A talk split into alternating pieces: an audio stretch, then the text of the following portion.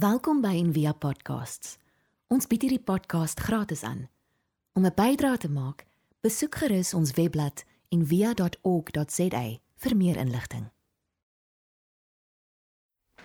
Goeiemôre, dit is goed om saam met jou te wees. Ek hoop dat jy rus lekker en dat jou vakansie lekker is en so ons almal se harte begin al weer te verstel in ons koppe want die jaar begin nou weer. Nou ek het gedink om vanoggend jou voor te stel aan iemand wat ek regtig bewonder. Sy naam is Ronald Rolheiser. En hy gaan vanoggend gesels oor ehm um, wat laat jou siel sing. Is 'n groot idee. Is ehm um, is 'n belangrike ding vir jou vir die jaar wat kom. Wat laat jou siel sing? So onthou jy Jesus se woorde in Matteus 12:26. Hy sê wat baat dit dan die mens dat hy die hele wêreld wen, maar sy siel hy skade. Sê jy kan amazingly suksesvol wees. Jy kan die beste wees jy kan, maar dit beteken nie jy het soul nie. Dan het jy eintlik niks nie. So ehm um, kom ons gesels net voordat ons na hom luister oor presies maar wat is siel. So definisie van die mens kan ook so klink. Ek is 'n gees wat in 'n liggaam woon en wat 'n siel het. So dis die drie goed. Dalk 'n metafoor is 'n motor, so jou gees sal die stuurwiel wees, die rigting, jou hele lewe word bepaal deur 'n innerlike realiteit, regtig nie deur wat jy het of jy, of jy buitekant nie. So dis waartoe jy gaan en dis hoekom spiritualiteit so belangrik is. En dan die tweede ding van die motor, die bakwerk, die wiele, die dis die liggaam, dis dis duidelik. Maar nou die derde en ons moet dit nou maar verduidelik soos 'n Tesla. So daar's 'n rekenaar, jy kan sit en werk en die rekenaar gaan jou vat. Met ander woorde, dis die ding wat alles bymekaar hou, selfs die stuurwiel, die uh dit is die integrasie van alles. Dis daai gedeelte in jou lewe. Nou oké. Okay. Kom ons kyk na Ronald.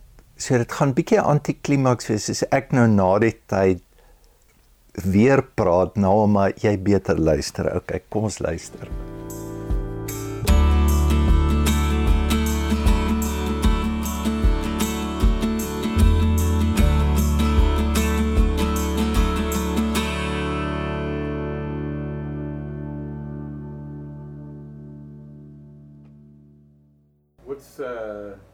What's God want for humanity? I mean, what's God's dream? What's God's dream for me? God wants humanity to flourish. Your father family, what do you want for your kids? You want them to be happy. And you know they're only going to be happy if they live upright lives, if they live unselfishly. Uh, but you want them to flourish. You want them to, to do things that, that fulfill them humanly, to have love in their lives, and so on. And again, as a Christian, you know that's only going to happen if they're good people, if they don't cheat others, if they don't lie, if they're faithful to their words, and so on, uh, then they will flourish in life. I mean, they might flourish economically and otherwise by, by living other kinds of lives, but they're never going to be happy, you know. So, so you're a loving parent. What do you want for your kids? God's a loving parent. What does God want for his kids? What any parents wants, you know. How do you yeah nurture growth versus success? Yeah. Well, uh, that's actually a very important thing. See, So you're part of co-creation and not Yeah, just yeah. production. yeah, no, and see, I think you put your finger on probably one of the greatest struggles that people in our culture have today, you know, and that is between success and I'm going to give you, you used the word growth. I want to put a different word here, and the word fruitful or generativity, you know. See, um, um, first of all, it's very interesting. Henry Now, was the first writer who pointed it out to me, says, all your achievements and all your successes end when you die. but your fruitfulness doesn't. See, your fruitfulness continues and so on. See, so we have to make a distinction between uh, I can be really successful, I can, but and not necessarily very fruitful. You know, it's success that brings glory to me or whatever, or brings riches or brings comfort, brings fame, so on. But see, that's like in a, that's the most powerful addictive drug in our whole culture. You know, fame, money, comfort, admiration, worldly success. It doesn't necessarily make you uh, a good person. Doesn't necessarily make you a virtuous person. Doesn't necessarily make you fruitful. Um, and see, so I think that's the tension, because you're a father. That's the tension where the young people say, um, and sometimes we get through and sometimes we don't, in terms of, like, yeah, there's more to life than just being a success. You know, um, it, it, What? well, um, there's many ways you can put it. You, you, I want to quote James Hillman, who a great philosopher just died. He was an atheist, but a very bright man. He'd say, and it's interesting, he was the first person to restore this in our Western language. Says, you got to also have soul. You know, it's not enough just to have success. What, what's soulful in that? You know, what's it doing inside of you? You know, what kind of person are you? What kind of depth? What kind of character do you have? And so on. See, so I'll use his word. You, you have to have soul. And, uh, and soul isn't just some generic product. We all have a soul. We don't, you know, your soul, you know how they use the expression, there's soul music? Well, I like that word. You know, what's the opposite of soul music? Elevator music, just something that's so bland and flat. And, and there's no color, there's no energy, you know. Soul music moves your genes, your chromosomes, you know. See, we, a lot of times, you know, high success and stuff doesn't help the soul at all, you know. And interesting, we talked about suffering before. Suffering, as, as, as painful it is, oftentimes that's the way we enter our souls. That's the way we enter into depth. You know, Hillman used to say, I was a workshop with him once. He said, if you look in your life and ask yourself this honestly, need your audience to do this. ask yourself honestly, privately, said, what are all the things that have made you deep in life? And everyone will contain suffering.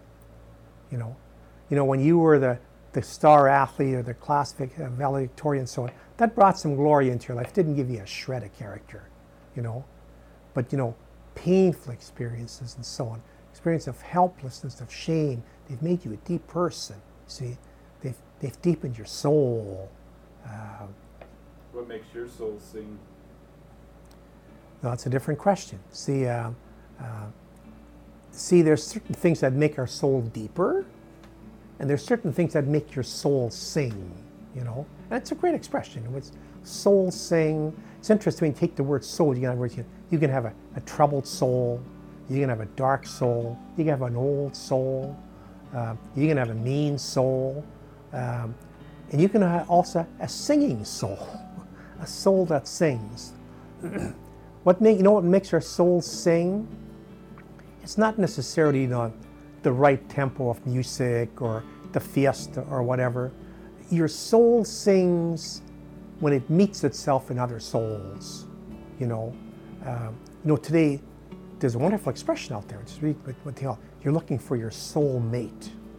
See, when you find something where your soul is at home, so, but this pretty, yeah. See, your soul begins to sing. You know, or um, this may sound a little complicated, but I'll give you a little lesson in philosophy here. You know, philosopher says God is four things.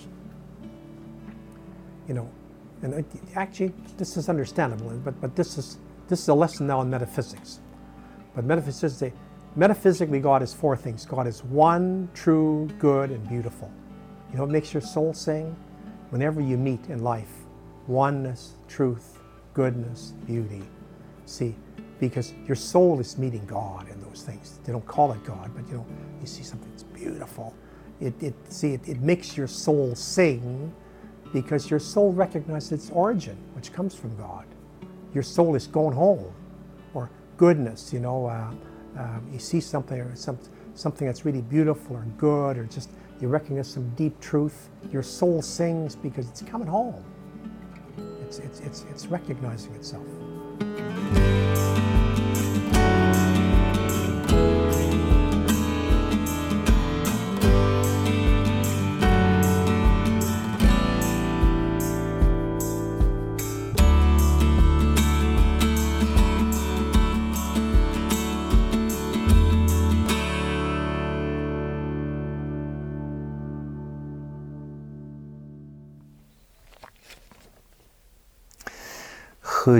Nou ek wil ek wil graag afsluit net met twee gedagtes en dit het ek nou gelees in John Ortberg se boekie um soul keeping en hy het hierdie verhaal baie van julle ken hom nee hy is hierdie celebrity prediker regtig amazing mens skryf ongelooflike boeke maar hy het uitgebrand in die bediening en hy het na Dallas Willard toe gaan vir hulp en Dallas het met hom begin te praat oor oor hierdie besige lewe wat sy siel doodmaak. A hurried life destroys our soul. En daar het iets in hom gebeur wat hy 'n ongelooflike gawe ontvang het wat hy anderster kyk na hierdie wêreld en anderster lewe en omgang met hierdie wêreld. En dis ehm um, toe hy nou die boek geskryf het, maar daar's twee goed wat wat jy aan kan dink vir hierdie jaar. Hy sê In die eerste plek, hy sê as die Bybel nou sê hy verkoop my siel, is dit belangrik dat jy jou siel na 'n plek toe moet vat waar hy verkoop kan word. So en hy noem dit hy sê the soul has a keeper. Uh jy moet hom oppas. So wat gaan jy hierdie jaar doen wat soulful is?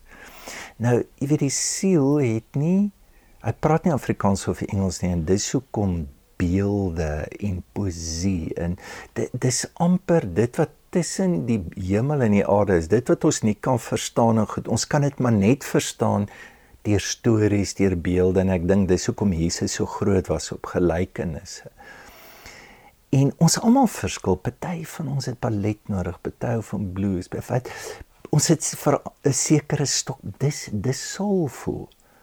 So wat is dit wat ek doen wat my siel kos gee? Jy is die bewaarder, jy's die keeper. So wat doen jy? Wat gaan jy hierdie jaar doen? En dan net om uh, nog 'n hoër vlak van denke oor dit jy die keeper is. As die doel dan is om alles te integreer. Hoe kyk jy? Daar's dimensies van jou. Daar's 'n emosionele, daar's 'n uh 'n fisiese, daar's 'n geestelike, daar's 'n seksuele, daar's 'n ekonomiese, daar is 'n artistiese. Ons ons bestaan uit soveel en baie keer trek ons skeef. Of ons gaan net in ons liggaam en ons hierdie obsessie met hierdie superliggame of is net werk of is net kop of maar hoe integreer ek my lewe en dan hy sê die siele te bewaarde nodig. Ag uh, ja, keeper. So hoe is jy die keeper hierdie jaar? En dan die tweede ding is hy het 'n senter nodig. en dis hoekom jy op hierdie aarde is. En dis Jesus se woord, jy kan die hele wêreld wen, maar as jou siel verloor, waar kry jy jou siel? Net in God, nê? Nee? Net in God. En jou siel het bestaan nog voordat alles bestaan het. Dit is in God. En hoe hoe stel ek my lewe bloot aan dit? Want jy gaan agterkom as dit net oor jou gaan. Hierdie tipe standalone dood jouself lewe wat jy verantwoordelik is vir alles. Jy moet die magic bring jy moet dinge maak werk jy moet daar's 'n ander lewe. Daar's 'n lewe waar die siel jou lewe gee en jou eintlik verbind aan die grootheid van hierdie skepping van alles wat ons God noem. Mag hierdie jaar voel hoe jou siel jou trek in die diepste plek waar die senter van alles in hierdie lewe is. En mag jou siel sing. Kom ons bid saam. Here, dankie vir die manier hoe U ons gemaak is en dit daar aspekte in ons wat sonder woorde werk, maar wat op gevoel, intuïsie, met emosies, met blydskap, met 'n wete wat ons net laat sing. En mag ons almal in hierdie jaar voel ons opgetrek word na daardie plek toe. Here maak ons verantwoordelike bewaarders, bestuurders, wat dit ook al is van van ons eie lewe. En Dankie ook dat ons onsself in U kan vind. Amen. Baie dankie vir die saamwees. Wel, ons sien uit na die jaar wat voorlê. Ehm um, volgende Sondag is ons weer in persoon by mekaar. As jy welkom, ons ontmoet by Weltevrede Park, so kom kuier daar. En dankie ook vir julle ondersteuning. So as jy so voel daar is nou geleentheid vir om deur Snapscan te gee of jy kan som op die webploer. En as jy dan nou nog op vakansie is, mag die rus vir jou goed wees. Ons hoop van harte jy het hierdie podcast geniet of raadsaam gevind. Besoek gerus en via.ok.za vir meer inligting.